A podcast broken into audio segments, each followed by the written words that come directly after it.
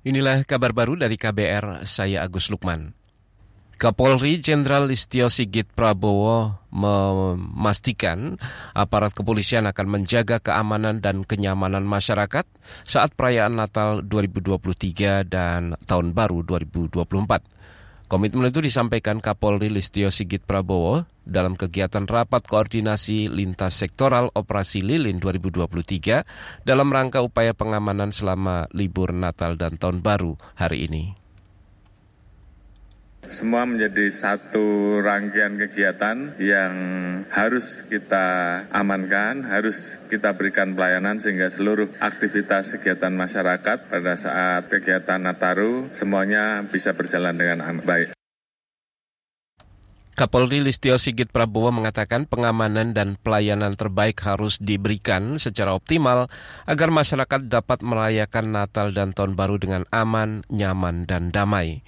Kementerian Perhubungan memprediksi pada libur Natal dan Tahun Baru kali ini akan ada pergerakan masyarakat atau mobilitas masyarakat mencapai 107 juta orang.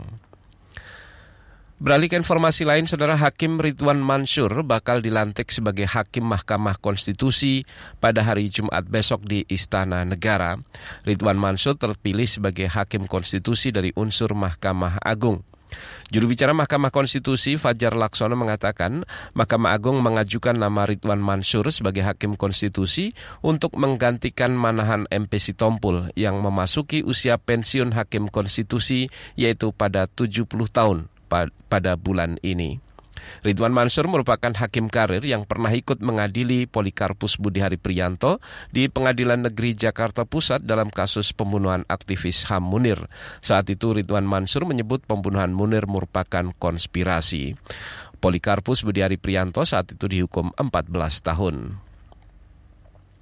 Kita ke Jawa Tengah, saudara warga terdampak pencemaran lingkungan PT RUM dari Desa Nguter, Kabupaten Sukoharjo, kecewa dengan putusan Pengadilan Negeri Sukoharjo yang dianggap tidak berpihak pada korban pencemaran. Mereka sebelumnya mengajukan gugatan kelompok ke pengadilan melalui gerakan warga peduli lingkungan Sukoharjo. Tim pendamping warga Niko Wauran menyesalkan putusan pengadilan negeri yang menolak gugatan kelompok atau class action warga terdampak pencemaran tersebut.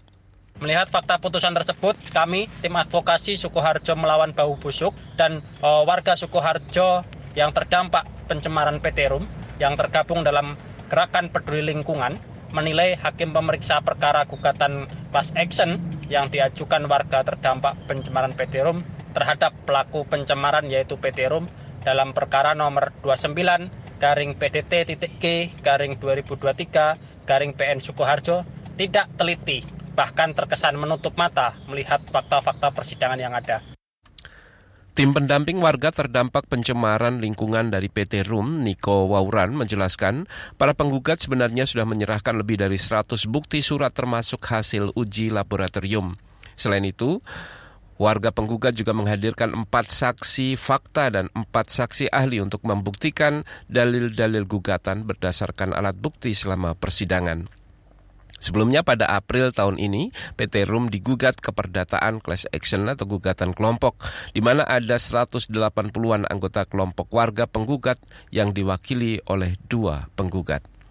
Inilah kabar baru dari KBR, saya Agus Lukman.